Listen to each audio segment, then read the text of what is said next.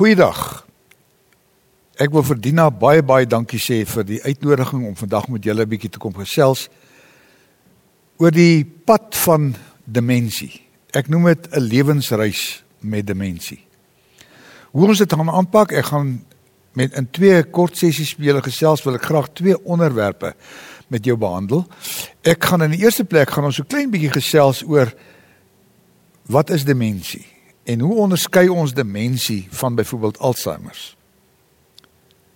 En dan wil ek as 'n tweede deel wil ek graag met jou 'n bietjie gesels oor die versorging van 'n huweliksmaat met demensie. Ek wil begin deur vir jou te sê dat ek dink die die grootste vrees wat enige ouer wordende persoon het is die vrees vir demensie. 'n Goeie kollega van my Dr Henk Gous het die baie lank gelede nie in 'n in 'n seminar het hy gesê ek is my brein. Verloor ek my brein, dan verloor ek myself.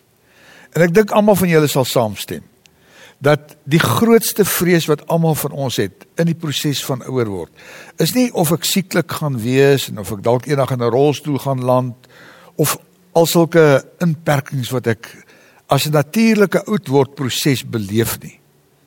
Maar is die vrees dat ek my brein kan verloor en my brein vermoë kan verloor. Wat Henk gesê het is natuurlik waar. Die brein is die setel van ons hele lewe. Uh, dit is die orgaan wat ons laat dink, wat ons laat lewe, wat ons laat funksioneer as mense en as dit daarmee heen is, dan is ons lewe regtig uh daarmee. In 'n sekere sin. Eintlik is dit nie heeltemal waar nie, ek gaan net te veel iets daaroor sê. So demensie is 'n vrees wat die meeste mense meeloop. Hoekom is dit 'n vrees? Wel, uh as ons kyk na die statistiek van die mense en ek wil jou nie vanmôre toegooi met 'n klomp uh, statistiek nie. Uh as ons gaan kyk na die statistiek oor demensie, dan lyk dit in Afrika of in Suid-Afrika nie te sleg nie op die oog af. Uh in 2015 was daar so amper 200 000 mense met demensie. Dit is nou gevalle wat aangemeld is. En hulle verwag dat in 2030 daar so 275 000 mense in Suid-Afrika sal wees wat uh aangemelde gevalle van demensie is. Maar nou moet ons ons nie heeltemal verbly in die statistiek nie. Want die aanmelding van demensie gevalle in Suid-Afrika is baie swak. Die statistiek is regtig nie betroubaar nie. As jy mens gaan kyk na die na die uh uh rapport van van die Wêreldgesondheidsorganisasie, dan sien ons dat in 2018 daar in die wêreld 50 miljoen mense was wat aan Alzheimer gely het. In 2030 vermoed hulle dat daar so 82 miljoen mense met demensie of Alzheimer demensie gaan wees. En in 2015 so 152 miljoen mense. Feit van die saak is dat Alzheimer's is 'n toestand wat hulle sê elke 20 jaar verdubbel. Dit is regtig 'n epidemie wat besig is om oor die wêreld te spoel. En dit is die een rede waarom ons bewus is daarvan. Die meeste van ons, of baie van ons, het iewers in die familie Het sy in ons voorgeslagte, het sy iemand wat jy nou ken wat aan demensie ly of selfs Alzheimer se demensie het.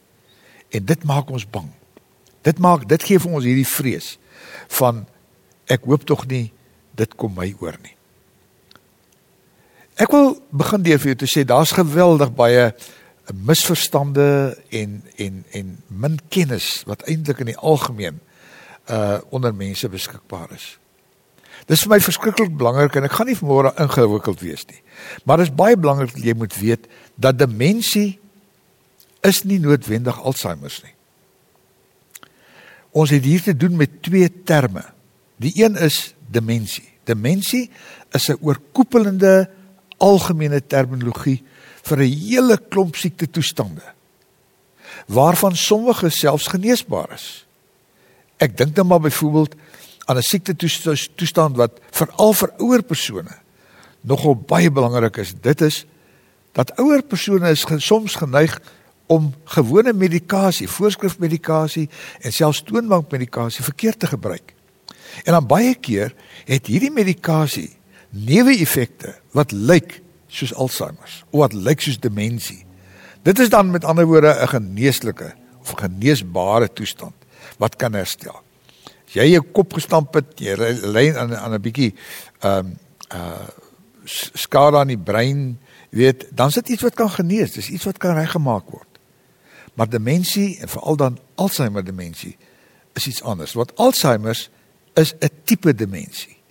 Jy kry groot groeperinge van van demensie. Jy kry kroniese demensie.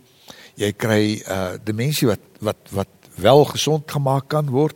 So daar's baie verskillende soorte demensie waarvan Alzheimer een is. Ons moenie as ons begin agterkom maar ek begin my sleutels vergeet of ek begin so 'n bietjie vergeet waar ek is, dadelik sê maar ek het Alzheimer. Dit is glad nie noodwendig so nie.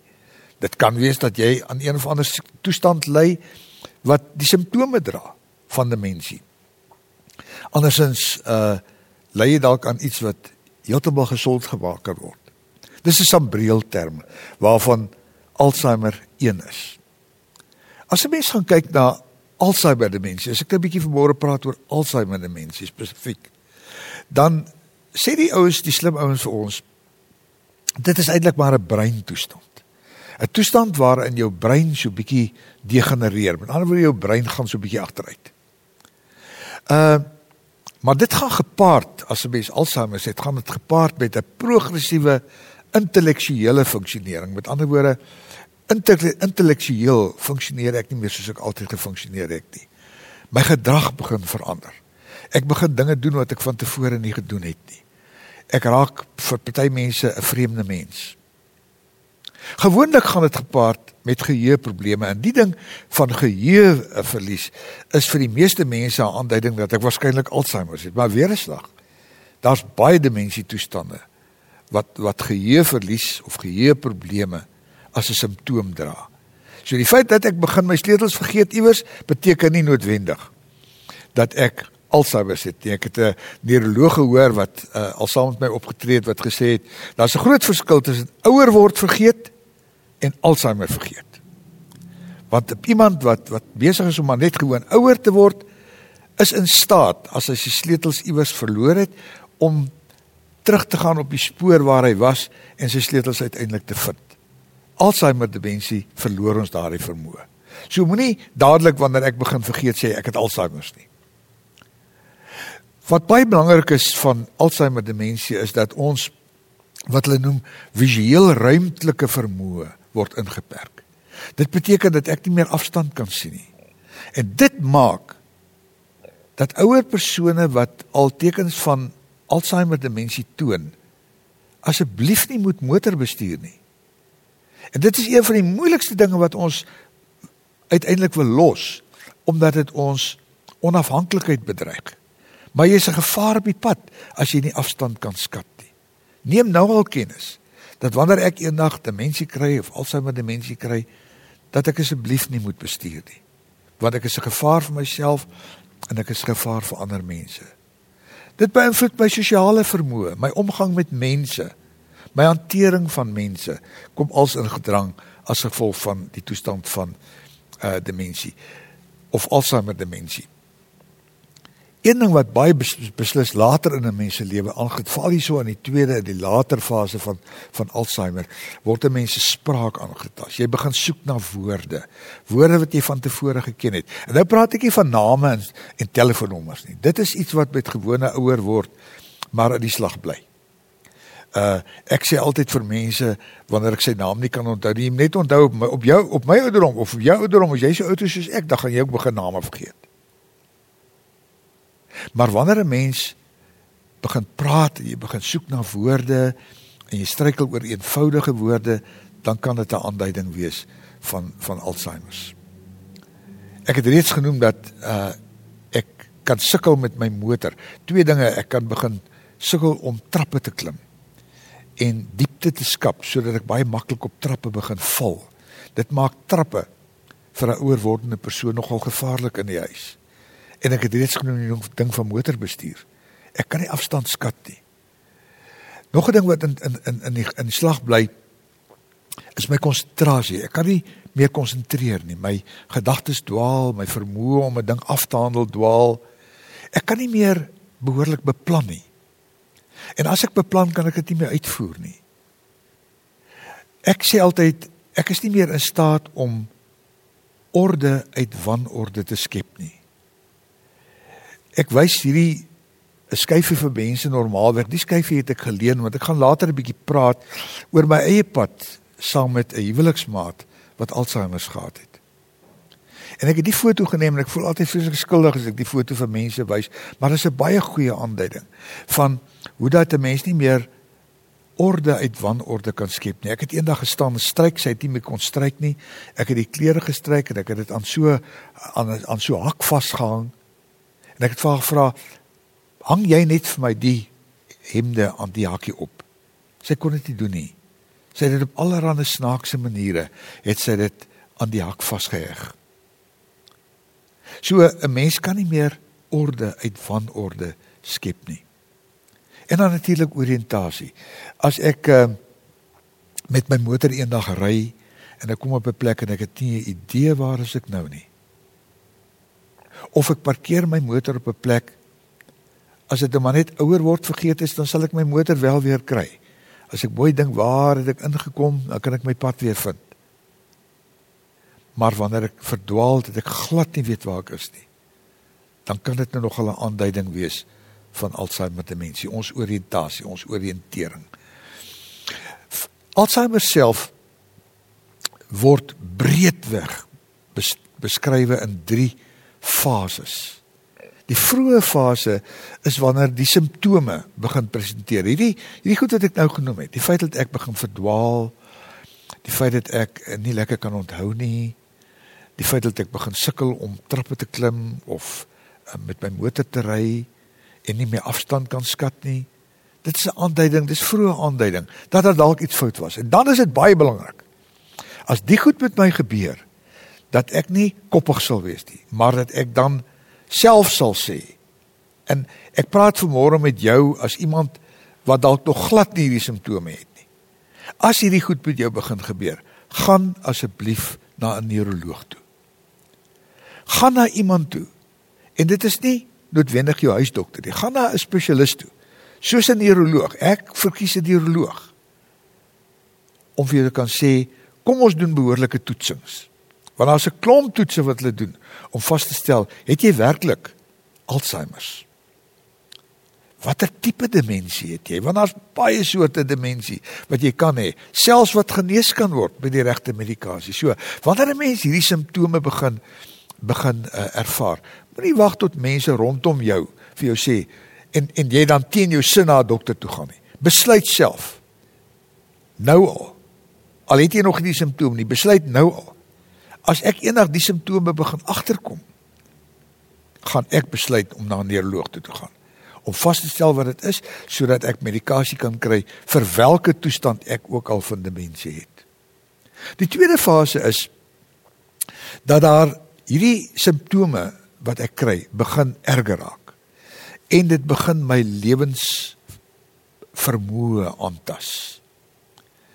Uh sigbaar kom ek kom kom mense agter rondom my dat ek verstandelik kognitief nie meer so funksioneel is soos ek altyd was nie. Ek dink snaakse dinge, ek doen snaakse dinge, ek herhaal dinge baie. Ek baie mense se persoonlikheid verander op 'n manier. Ek reageer anders beteken partykeer raak het mense skielik woedebuie wat hulle van tevore nooit gehad het nie. Dan trek ek nou al redelik ver in Alzheimer toestand as in fase 2. Die derde fase sou mens amper 'n terminale fase kon noem. Dit is die fase wat veral uh veral wanneer ek begin fisies agteruit gaan. Ek kan nie meer behoorlik loop nie. Ek kan nie meer sonder hulp loop nie. Ek verloor my balans. Ehm uh, uh daar's 'n klomp goed wat ek nie meer kan doen nie. En veral fisies raak ek uh erg in die moeilikheid. In die laaste fase van 'n mens se se lewe raak jy gewoonlik uh selfs bedlend omdat jy nie meer uh kan behoorlik uh, loop nie of behoorlik sit nie. Uh, my eie vrou van wie ek net nog gaan vertel, het op 'n stadium gekom wat sy nie meer haar lyf kon buig nie. Sy kon nie meer in 'n stoel sit nie. Dan raak jy bedlend en jy raak volledig afhanklik van ander mense. Dit is 'n fase waarin jy so agteruit gaan dat jy dat dit versorging verg. En dit is 'n gevaarlike fase. En dis hoekom dit baie belangrik is dat wanneer 'n mens 'n uh, lewensmaat het wat in hierdie fase van sy lewe kom en hy beheer verloor oor sy uitskeidings, soos sy blaas en sy maag en dan moet allerlei versorging bykom dat versorging dan dalk maar aangewese is. En dat ek moet weet dat die persoon eintlik in 'n beter posisie sal wees as hy versorg word as wanneer wanneer ek homself versorg. Hierdie toestand vra versorging. Veral wanneer 'n mens begin omstandighede kry waar die ou begin sukkel om te sluk. En hy begin baie verstik en dan begin kos in sy longe kom. Dan raak dit erg. Dan moet 'n mens dan het 'n mens gesonde gespesialiseerde versorging nodig wat vir jou wat vir jou help om om hierdie laaste fase van die lewe behoorlik en sinvol te kan help te kan help, hanteer. Ek wil ten opsigte van die siekte toestand vir jou sê baie mense En nou is ons dominees is ook maar skuldig daaraan. Wanneer ons by iemand kom of wanneer my huweliksmaat begin uh uh Alzheimer kry of demensie, Alzheimer demensie kry, dan praat ons verskriklik baie oor die siekte. Hoe die siekte is, wat is die siekte? Wat is sy simptome? Ehm uh, uh wat moet 'n mens gebruik daarvoor? En dan verloor 'n mens naderhand die mens met die siekte. Dit geld vir enige iemand wat met iemand wat Alzheimer demensie het werk. Onthou dit is nie die siekte wat ek mee werk nie. Dis 'n mens wat ek mee werk. Dis my huweliksmaat wat al 50, 60 jaar saam met my kom. Is iemand vir wie ek lief is. Is iemand wat die pa of die ma van my kinders is. Dis 'n mens met 'n siekte. Kom ons onthou dit eerder as om vreeslike tegniese kliniese kennis van die siekte op te doen, kom ons onthou liewer die mens met wie ek besig is. Dit is belangrik om bietjie kennis te hê daarvoor vir alles ek dit gaan oor diagnose. Dis die die dokter wat my moet diagnoseer natuurlik moet hy goeie kennis hê. Die apteker wat vir my medikasie gee, moet goeie kennis hê van die siekte toestand. Die persoon wat die medikasie ontwikkel moet goeie testo kennis hê daarvan. Maar vir my wat 'n huweliksmaat versorg, is vreeslike hoë kennis van die saak nie so belangrik nie. Natuurlik moet ek iets daarvan weet. Ek moet weet wat se fases is daar, ek moet weet waarna om te kyk, maar uiteindelik moet ons nie soveel kennis probeer opdoen dat ons ons maat verloor nie, dat ons ons huwelik maat verloor nie. Ek was amper klaar met hierdie eerste sessie want ek wil vir jou sê een van die moeilikste dinge wat 'n huweliksmaat mee sukkel wanneer hy of sy agterkom dat sy huweliksmaak of ons huweliksmaak begin snaaks optree, begin baie erg vergeet. Al hierdie faktore wat hierdie simptome wat ek net nou genoem het, is een van die grootste probleme wat ons gewoonlik het, is om so iemand by 'n spesialis te kry of by 'n dokter te kry. En dit is dan wanneer ons gewoonlik self diagnoseer. Dan besluit ons wat die persoon bekeer. Of ons gaan op Google of ons kinders gaan op Google. En hulle sê vir ons, maar pa het dit of ma het dit. Dis baie gevaarlik. Hoekom is dit gevaarlik? Dit is gevaarlik omdat daar as ek nie Alzheimer het nie, ek my dalk kan verbeel my huweliksmaat het Alzheimer en die persoon dan nie regtig behandel kan word vir die eintlike toestand wat hy het nie. Gaan dus na iemand toe wat weet. Kry die regte medikasie. As jy nie Alzheimer het nie, watter demensie toestand jy ook het, vir baie daarvan is daar medikasie beskikbaar. En as ek self diagnoseer, beteken dit hierdie persoon het nie die medikasie nie. 'n Tweede belangrike ding is selfs al wanneer my huweliksmaat Alzheimer demensie het, is daar ook medikasie beskikbaar. Dit is nie medikasie wat die persoon kan gesond word maak nie, want Alzheimer kan nie genees nie. Dis 'n terminale toestand. As ek dit eers het, dan raak die pad erger en uiteindelik eindig dit by die dood. Maar terwyl ek nog in fase 1 of fase 2 is veral, Is daar medikasie beskikbaar wat die toestand vertraag en die lewenskwaliteit van hierdie persoon verhoog? En dit maak dit baie makliker vir die persoon self en dit maak dit makliker vir myself, vir my as versorger. Vir almal word gehelp deur die feit dat ek goeie medikasie gebruik. Moet dus asseblief nie self diagnoseer nie. Moet onder geen omstandighede bang wees om vir jou dokter sê verwys my asseblief na 'n neuroloog. Dat die neuroloog kan bepaal wat se medikasie moet kry, wat moet ek drink om my lewenskwaliteit te verhoog, want 'n mens kan nog betekenisvol lewe selfs al het ek demensie kan ek betekenisvol lewe. Kom ons gebruik al die hulpmiddels wat ons beskik, beskik, beskikbaar het, veral medikasie om dit vir ons te kan help om betekenisvol te kan bly lewe en ons huweliksmaat wat om my moet versorg dit vir die persoon baie baie makliker te maak. Demensie is nie 'n hopelose toestand nie. Dit is nie 'n toestand waarin ek my geloof verloor nie. Ek gaan net iets daaroor sê wanneer ek praat oor my eie vrou. Demensie is eintlik 'n wonderlike ervaring van hoe dat iemand selfs geloofsgewys kan groei. Hoekom? Want demensie het altyd hoop. Hoop op lewe, lewe met groot letters. Terwyl Alzheimer demensie my uiteindelik na my uit dan nou einde van my aardse lewe neem, beteken dit nie die einde van my lewe nie en kan ek my lewe in Christus hê. En daarom bly hoop altyd daar. Bly ek altyd glo, bly ek altyd vertrou wat die Here in wie ek glo laat my nie in die steek nie. Hy raak nooit weg nie. Iemand het 'n boek geskrywe met die titel Dementia Living in the Memories of God. Wanneer ek begin vergeet, God vergeet nie. Ek bly in God se geheue en daarom bly ek altyd hoopvol hoe lewe selfs al het ek demensie. Die Bybel sê vir ons ons is mense wat gemaak is na God se beeld. Die mooi woord daarvoor is ons is God se imago Dei. Ons is die beelddraers van God. En omdat ons die beelddraers van God is, kyk ons na mekaar.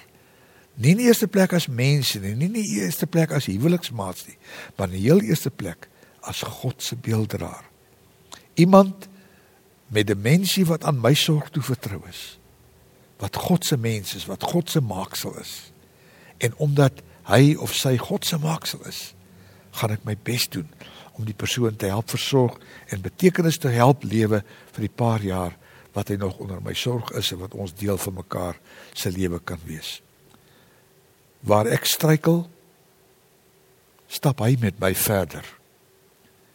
Waar ek vergeet, bly ek in God se geheue. Hy vergeet nie. Waar ek moedeloos word, gee hy hoop. Wat vir my dikwels die einde is, is vir God 'n nuwe begin. Ons gaan net 'n bietjie verder gesels oor die pad van die dimensie versorger. Welkom terug. Ons gaan in hierdie tweede kort sessie gaan ons 'n bietjie gesels oor die versorging van 'n huweliksmaat. Nou dit hoef nie net wendig net 'n huweliksmaat te wees nie. Dit kan ook jou moeder wees, dit kan iemand wees wat jy versorg. Die versorging van 'n huweliksmaat met spesifiek Alzheimer demensie. Nou wil ek dadelik sê daar's verskillende redes waarom mense verkies om iemand tuis versorg. Wel, daar's verskillende maniere van dit hanteer as my huweliksmaat Alzheimer kry. Ek weet van mense wat hulle huweliksmaat skei. Dit dink ek natuurlik moet glad nie eens in ons gedagte wees nie. Dit is omdat daar tuisversorgers deesdae beskikbaar is. Ander mense plaas iemand so gou moontlik in 'n sorgeenheid. Mense vra baie keer vir my, wanneer neem jy, wanneer laat jy iemand opneem? Dan sê ek, wel, jy kan iemand te vroeg laat opneem en jy kan iemand te laat laat opneem. Want as jy hom te vroeg op laat opneem, dan neem jy verskriklik baie van sy lewenskwaliteit weg. Saam met jou. As jy hom te laat laat opneem, dan kan jy die persoon fisies benadeel omdat daar sekere dinge van versorging is wat ek as leek nie kan doen nie, wat ek spesialis versorging vir my huweliksmaat nodig het. Die gewone verloop is maar gewoonlik dat ons agterkom daar's iets fout, dat ons daarmee begin vrede maak, dat ons stelselmatig die proses begin hanteer. En 'n mens leer vaardighede aan. Jy leer naderhand hoe goed moet hanteer. Jy neem sekere take van die persoon oor wat die persoon nie bietjie meer kan doen nie. Dit raak partykeer vir die persoon gevaarlik om sê nou maar uh kos te maak of klere te stryk of selfs badwater in te loop omdat die persoon homself kan verbrand of haarself kan verbrand. So jy neem al hoe meer funksies van die persoon oor. Mens kan natuurlik in 'n gesin 'n ouma of 'n oupa help versorg. Ek wil dadelik sê dit stel baie hoë pryse, stel dit stel baie hoë eise aan 'n gesin, veral waar daar tieners teenwoordig is. Hulle is lief vir ouma en oupa, maar hulle kan baie keer as tieners ook maar geïrriteerd wees met ouma en oupa wat in hulle omgewing is. Wanneer die besluit om iemand oor te neem uh, of te laat opneem in 'n sorgeenheid is 'n baie groot besluit. Dis 'n baie baie emosionele besluit. Want onthou nou met daardie besluit eindig my fisiese teenwoordigheid saam met iemand. Eindelik in 'n sekere sin eindig my huwelikslewe daarmee. Wat baie baie emosioneel en baie sleg is. Die daar is sekere dinge wat stressors is. Ons dit dit dit, dit plaas stres op die persoon wat die versorging doen. Die die groeiende afhanklikheid van die persoon. Hy kan of sy kan dinge glad nie meer doen nie. En die persoon raak al hoe meer afhanklik van jou. Hy wil al hoe meer by jou wees en saam met jou wees. Jou eie groei, groeiende proses of groeiende verlies van selfvertroue.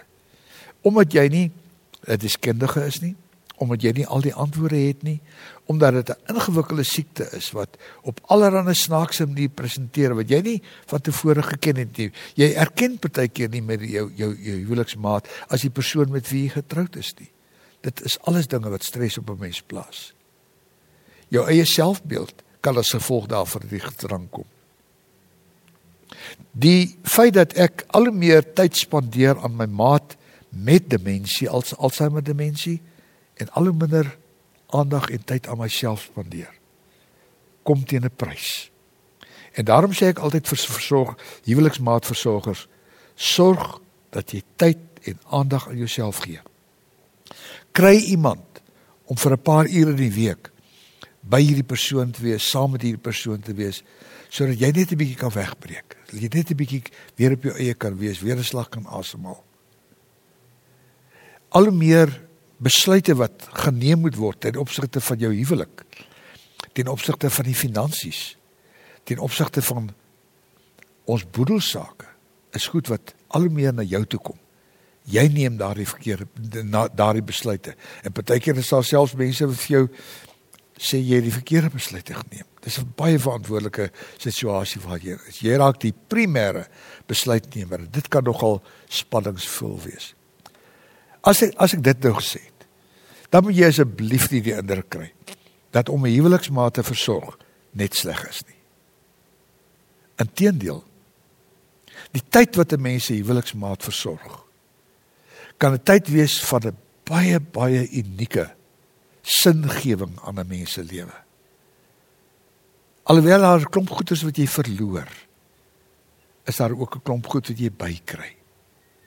Jy versorg jou huweliksmaat met soveel liefde. Dis kosbare naby, so kosbare intimiteit, kosbare bewondering van iemand vir wie jy lief is. Geloofsgewys raak dit 'n besondere besondere reis van jouself en jou groot afhanklikheid van die liewe Here om dit te kan doen, maar ook jou waarneming van jou huweliksmaat se geloofsvermoë. En dit is baie belangrik dat ek ek en die persoon so lank moontlik eintlik end uit geloofsgewys saam groei. Al neem hierdie persoon se se verstandelike kognitiewe vermoë af, is daar baie maniere waarop ek gaan agterkom hierdie persoon wat 'n verhouding met die Here het, groei ook in daardie verhouding. Hierdie pad wat 'n mens stap, leer mense op 'n baie besondere manier besef wat is hoop? Wat is Bybelse hoop? Wat is vooruitsien na die dag wat ons nie meer met mekaar gaan wees op hierdie aarde nie? En wat ek in die in die hande van die Here is wat vir my sê jy bly my kind. Daar is 'n toekoms saam met my waarvan ons baie min weet. Want die Bybel praat baie min daaroor. Maar 'n geloof wat ek het dat hierna sal ek by die Here wees op een of ander manier sal ek by die Here wees. Dit moet baie wonderlik wees om in sy teenwoordigheid te wees. Daardie hoop, daai vastigheid wat ek het, sê die Bybel, omdat ek in Christus glo. Ek het gedink dat dit goed sal wees om wanneer mense 'n bietjie gesels oor die huweliks of die pad uh saam met 'n huweliksmaat wat demensie of Alzheimer demensie in die besonder het om dit te verskrywe sal dit dalk goed wees as ek vir jou my persoonlike verhaal vertel. Om saam met iemand op reis te wees op hierdie demensiepad kan nogal 'n ingewikkelde pad wees. Jy weet jy kry prentjies van padnetwerke. Hierdie snelweë waarop ons is, wat ingewikkelde netwerke is as jy daarna kyk op 'n foto. Dis die gevoel wat 'n mens baie keer kry op hierdie pad. Jy weet iewers moet jy aan die ander kant uitkom. Hoe kom jy daar? Moet jy afrit neem? En as jy die afrit geneem het, dis 'n verkeerde afrit, hoe kom jy weer op die snelweg? Ingewikkelde reis wat 'n mens op saam met jou huweliksma mee op pad is. My vrou was 'n bankamptenaar. Sy het uh nogal 'n groot rekening in die bank hanteer. En dit is sy saam met nog vier vrouens het SARS se rekening hanteer die dae toe SARS nog checks uitgeskryf het. Belangrike werk. Sy het dus 'n flink brein gehad, 'n helder brein wat goed kon dink, wat goed kon organiseer. Ek onthou ons was een keer op vakansie gewees en ons het 'n bepaalde dorp aangekom. Sy sê vir my hierdie tak hanteer ek. As jy die tak spesiaal gaan besoek om met die mense kontak te maak, kennis te neem, die daardie nog sy nog op takke gewerk het om vriende te maak met die mense met wie sy werk. Toe sy uh gediagnoseer is met Alzheimer was sy maar 57 jaar oud. Dit is 'n baie spesifieke tipe Alzheimer. Hulle noem dit 'n vroeë Engels early onset, 'n vroeë begin Alzheimer. Wat selfs vroeër as 57 kan gebeur. Dis nogal 'n redelike aggressiewe tipe van Alzheimer. Dit was 'n baie baie slegte ervaring. Ons het begin agterkom sy begin vergeet, ons begin agterkom die persoon saam met wie sy werk wat eintlik baie goeie vriende was, het begin al hoe meer verskil oor dinge in die werk. En ek het agtergekom hierdie ding raak 'n patroon. Ons is saam na die dokter toe en ons het 'n baie slim dokter gehad wat gesê het kom asseblief by 'n neuroloog uit.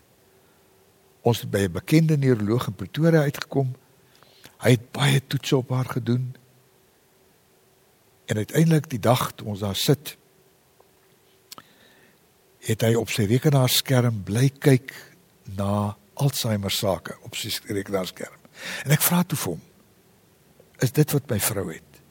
Toe sê hy vir my: "Man, weet jy, ek hou nie daarvan om iemand so vroeg te diagnoseer nie." Hy sê ek gaan vir jou medikasie gee. As jy agterkom dat die medikasie 'n verbetering toon, dan sê nie Alzheimer nie.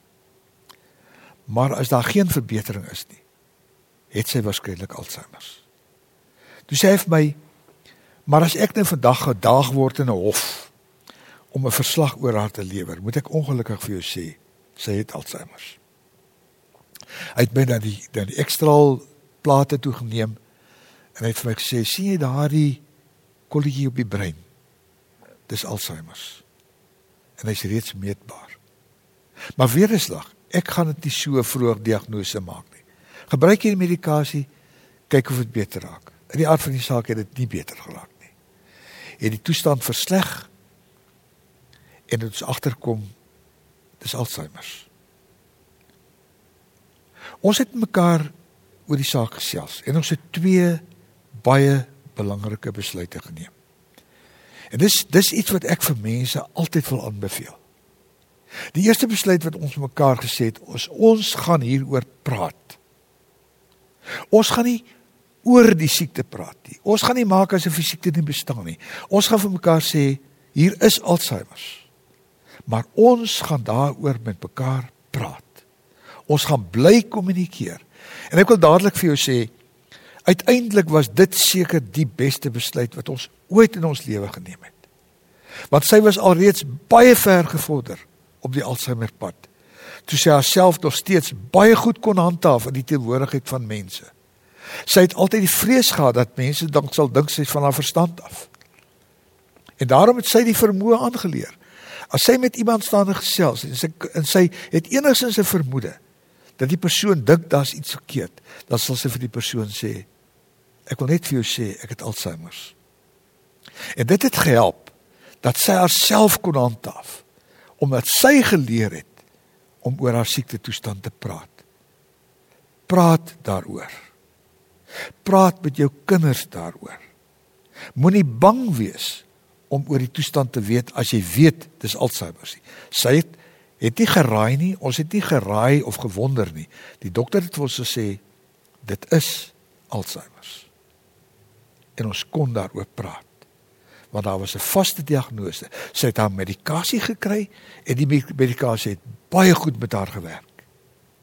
Dit het haar lewenskwaliteit verhoog, dit het ons saamwees verhoog en 'n goeie kwaliteit gegee en daarom wil ek vir mense aanraai praat daaroor. Die tweede belangrike besluit wat ons geneem het was om die uitdaging ten opsigte van mekaar te aanvaar. Ons het vir mekaar gesê ons weet nie hoe lank gaan dit wees. In 'n geval was dit 7 jaar. Ander gevalle kan dit selfs 12 jaar word. Die wetenskap sê vir ons dit kan enigiets tussen 4 en 7 jaar selfs wees. Ons weet nie hoe lank is dit wat ons die voorreg het om by mekaar te wees nie. En ons weet ook dat dit 'n pad is van degenerasie. Met ander woorde, die omstandighede raak al swakker, raak al slegter. Maar ons praat daaroor en ons het gesê ons gaan hierdie toestand aanvaar as 'n uitdaging. Trouwens die dokter het vir my gesê dit hang af hoe jy die saak sien, half die glas sal sien, half vol of half leeg en ek sê ek gaan hom half half vol sien. Toe sê hy vir my dan dan moet jy aangaan met jou lewe. Dit was die tweede baie goeie besluit wat ons geneem het.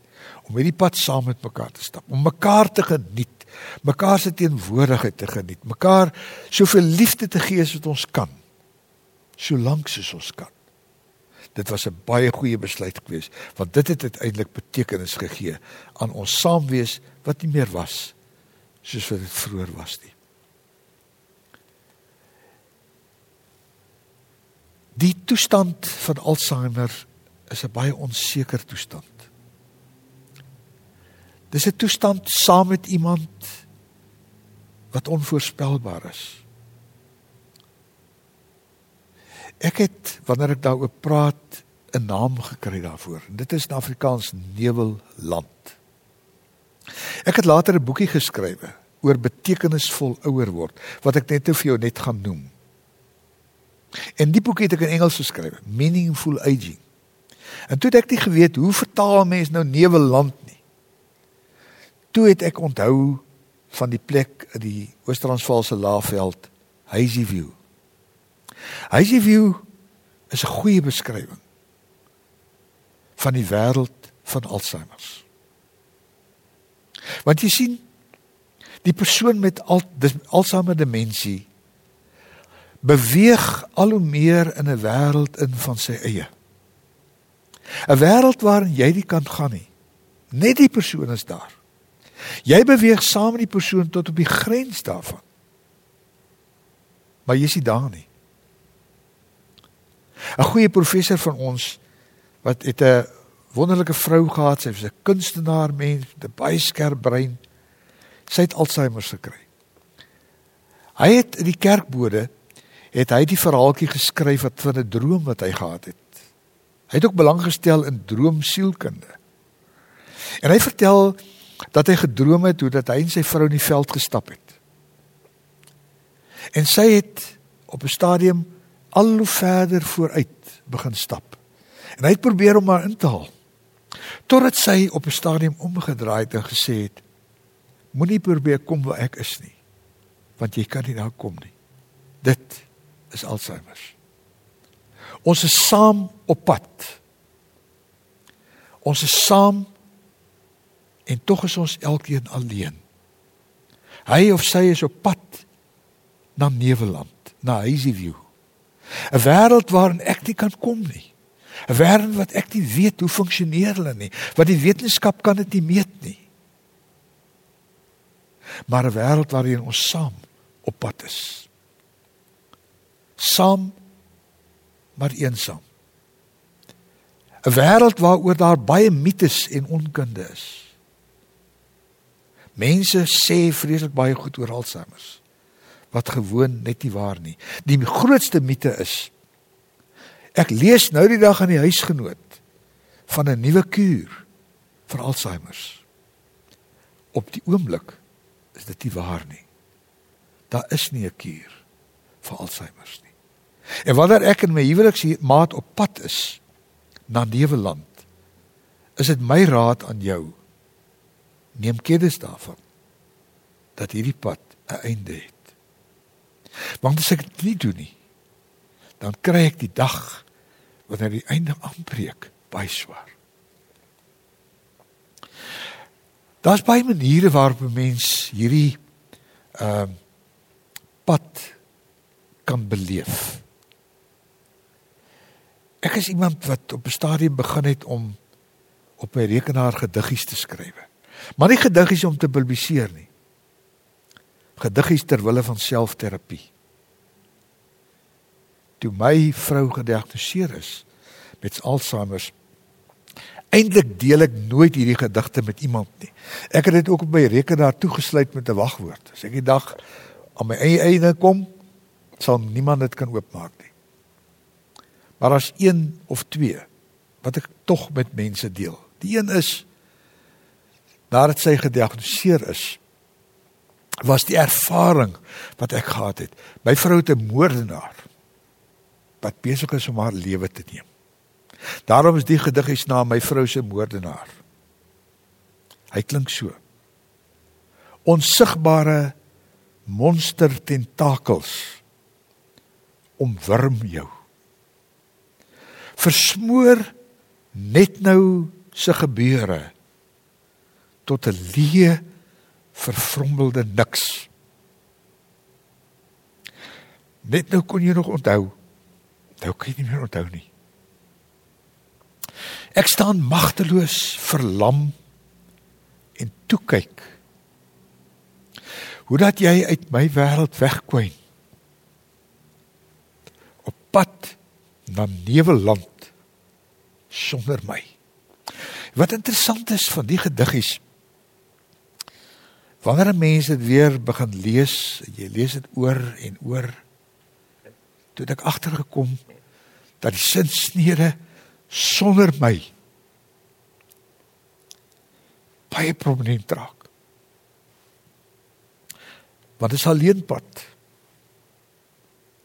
Op 'n stadium veral as die persoon opgeneem moet word, dan sit jy met baie skuldgevoelens.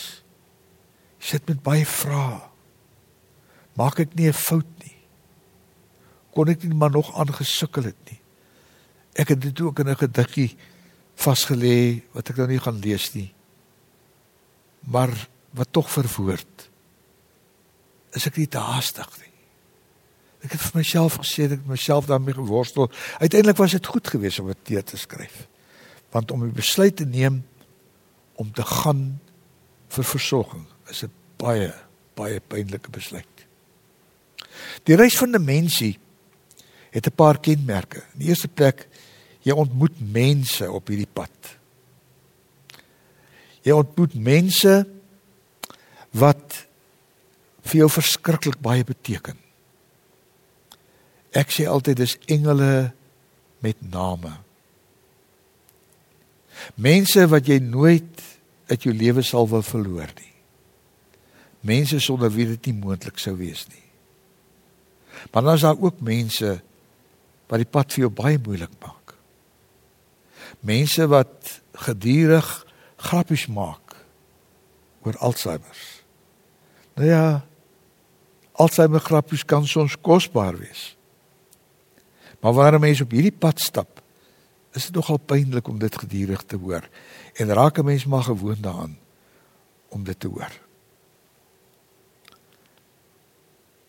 Die tweede ding wat ek graag wil noem is die suigkrag wat ek noem van Alzheimer. Baie mense sê vir jou weet jy dis dan baie beter om iemand met Alzheimer te verloor as wanneer die polisie een oggend aan jou deur klop en vir jou kom sê jou man is in 'n ongeluk dood. Jy het ten minste tyd om afskeid te neem. Ek wil dadelik vir jou sê dis nie waar nie. Ek neem nie afskeid nie. Die teendeel is waar. Hierdie kleiner wordende wêreld wat ek noem Neweland of Hazy View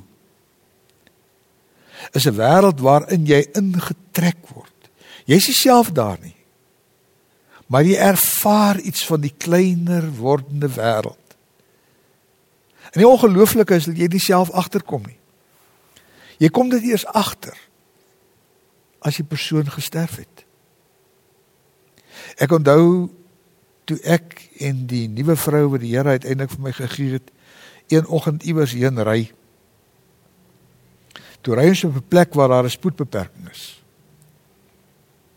En sy sit haar hand op my been en sy sê vir my, "Dink jy nie jy ry bietjie te vinnig nie?"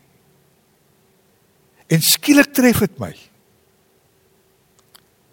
Hier's iemand anders in my wêreld wat my spoedmeter dophou. Hier's iemand anders in my wêreld wat dit saam met my leef. Want daar dinge kyk waarna ek nie eens meer kyk nie. Want jou wêreldjie word al kleiner en kleiner. Dinge raak vir jou belangrik wat eintlik klein goedjies is. Jou dit dit raak jou lewensbetekenis.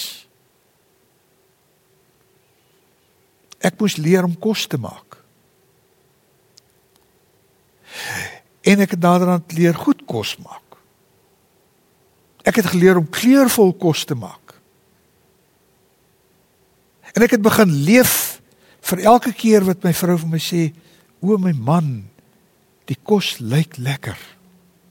Jy begin nader aan kos maak om dit te hoor. Want dit is al hoe minder dinge begin vir jou tel, maar daai dinge staan uit.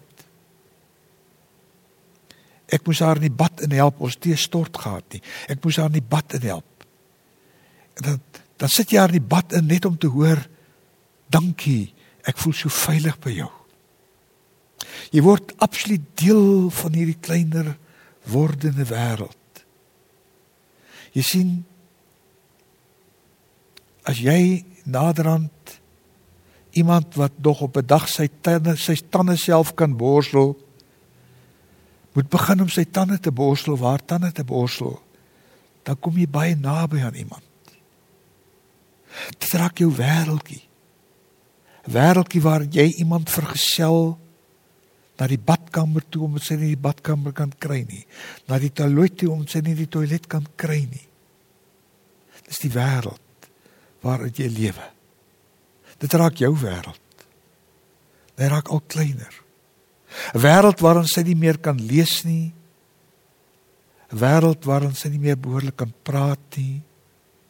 Waar ek haar taal al meer oorneem om haar te kan verstaan, om met haar te kan kommunikeer. Neweland. 'n onbekende wêreld. Waar in jy net tot op die grens stap en waar jy tog uiteindelik op 'n 'n aardige manier daarvan deel word.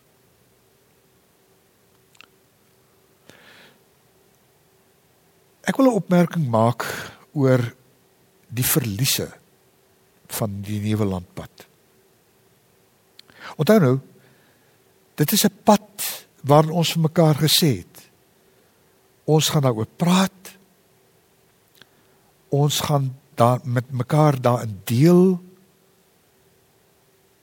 Want dis die pad wat ons stap. Maar dit is eintlik 'n pad van konstante verliese. En wanneer 'n mens ouer word, is jy ook op 'n pad van verliese. As jy ouer word, neem jou kragte af. Jou verstandelike vermoëns neem af. Daar's baie dinge. Jou finansies raak af. Op 'n stadium moet jy 'n goeie salaris kry, nou kry jy net 'n pensioen. Jy moet met jou pensioen bly leef. Jou vermoë om ver te kan ry neem af.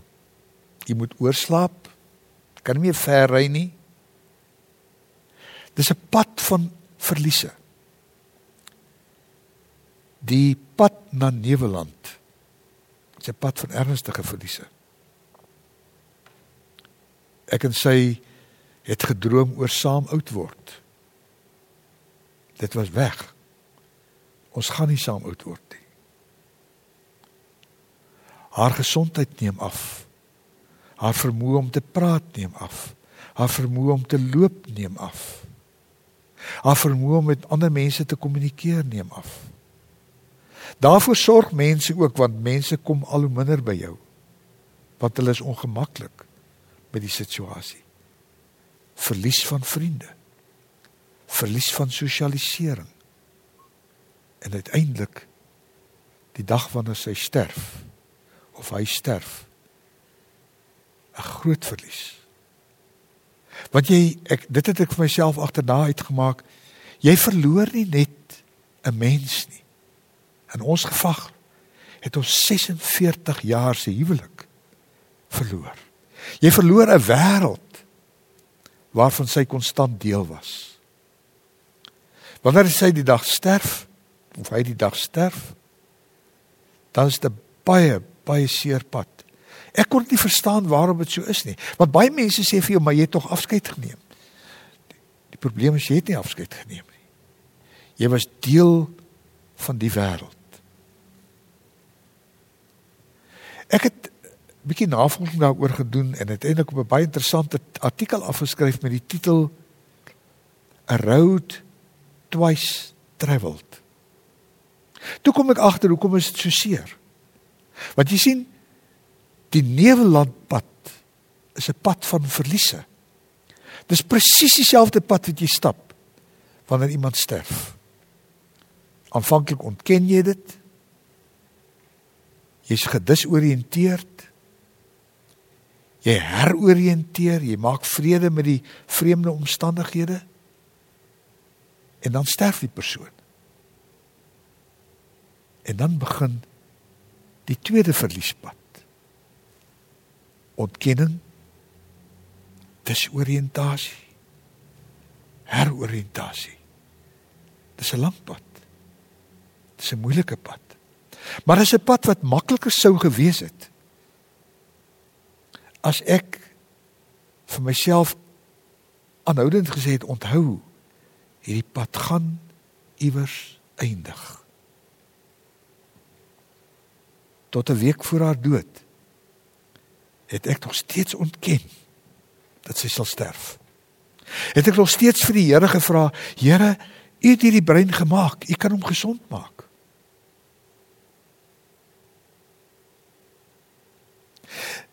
Ek het een aand in my studeerkamer gesit 'n week voor haar dood. Was besig om te werk. Sy was toe al opgeneem in 'n sorgeenheid. Toe kry ek 'n e-pos van 'n vriend in Australië wat kommentaar lewer op 'n ander vriend na aanleiding van 'n pastoor van een of ander groep in Mosambiek wat sê dat hy al 8 mense uit die dood uit teruggebid het. En uiteindelik die onderhoudvoerder met hierdie pastoor vra dan vir hom: "Wat wil jy vir die mense wat vanaand of vandag na jou kyk sê?" En hy sê trust God. Vertrou God. Hy kan selfs iemand uit die dood uit terugbring. En ek sit my rekenaar af en ek bid, ek sê vir die Here, Here, ek daag u vanaand uit. Dink net, as hulle my vanaand sou bel en vir my sê kom haal jou vrou, sy's gesond. Dink net as ek môreoggend daar met haar aan my hand in die kerk instap. Hoe gaan u die eer kry? 10 minute later toe lei my telefoon. Dis die suster van die sorgeenheid. En ek sê vir myself, Here, moenie sê jy het my gehoor nie. Suster sê vir my, gaan hospitaal toe. Jou vrou is op pad hospitaal toe. Sy het orgaanversaking. 'n Week later is sy dood. En vir die eerste keer langs haar bed kon ek begin bid en sê, Here, kom haal haar maar. Jy sien dit is goed om realisties te wees oor Alzheimer. Dit is 'n terminale siekte. En dit kan ook momentum gee aan my versorging. Dat ek dit met nog groter oorgawe kan doen. Ek wil afsluit deur vir jou te sê daar is lewe na Alzheimer. As wonderlike lewe na Alzheimer. Mits ek kan vrede maak dat die persoon wat ek verloor het was ook deel van my lewe. Daar's 'n stuk lewe wat weg is. Maar die wonderlike nuus is daar's 'n stuk lewe wat oorbly. 'n Nuwe lewe sonder haar. Lewe waarin sy geen inspraak gehad het nie.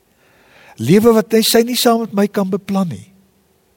'n lewe waarin ek nuwe dinge kan doen en nuwe dinge met my kan gebeur. Ek selfs weer kan liefkry. Dit het my gebeur. Die wonderlike ding is dat die Here weer vir my iemand gegee het vir wie ek baie lief is. Op wie ek al die liefde wat ek tog oorgelaat het, kan uitstort. Ek besoek die begrafplaas. Dit doen my goed om vir die Here te gaan dankie sê by 'n monument want sy is nie daar nie. Maar by 'n monument wat ek vir haar opgerig het wat my aan haar herinner en waar ek kan gaan staan vir die Here kan dankie sê. En 'n ou blommetjie op die graf gaan sit wat oor 2 dae verwelk en nie meer bestaan nie. En dan ry ek Woolworths toe. En ek gaan koop vir my nuwe vrou 'n pragtige bosblomme terwyl sy lewe om vir haar dankie te sê vir die lewe saam met haar. Daar is lewe, daar is hoop na Alzheimer. Dit is as ek terugdink 'n wonderlike tyd van my lewe gewees. 'n Tyd waarin ek ongelooflik naby aan die persoon gekom het vir wie ek baie lief was wat soveel vir my beteken het in my eie lewe en aan wie ek soveel kon teruggee uit dankbaarheid vir die pad wat sy saam bygestap het en wat sy in my lewe vir my moontlik gemaak het. En sê ek vir die Here baie dankie daarvoor. Baie dankie vir wat ek uit kon leer. Die stuk toerusting wat hy vir my gegee het om vandag met jou te kan praat. En vir jou te kan sê hoe dit voel dat daar hoop is. Dat dit 'n rykdom is van ervaring saam met iemand met wie jy hierdie pad stap. Baie dankie dat jy na my geluister het. Ek vertrou regtig dat hierdie gesprek vir jou gaan help. As dit dalk eendag op jou pad kom om dit goed te hanteer, selfs beter te hanteer as wat ek dit gehanteer het. Ek het al hierdie ervarings en die hele ervaring van betekenisvol ouer word, het ek in 'n boekie neergeskryf. Die boekie se titel is Meaningful Aging. Ek het dit nou in Engels geskryf omdat ek ook vir die Amerikaanse en die Engelse mark skryf. Jy kan dit kry by uh Dina van Kerk sonder mure. Ek gee dit vir jou teen 'n spesiale prys van R100. Jy kan met haar reël, dit sal by haar beskikbaar wees. Baie dankie vir die geleentheid om vandag by jou te kon gekuier het. Dit was baie lekker geweest. Sterkte vir jou op die pad vorentoe.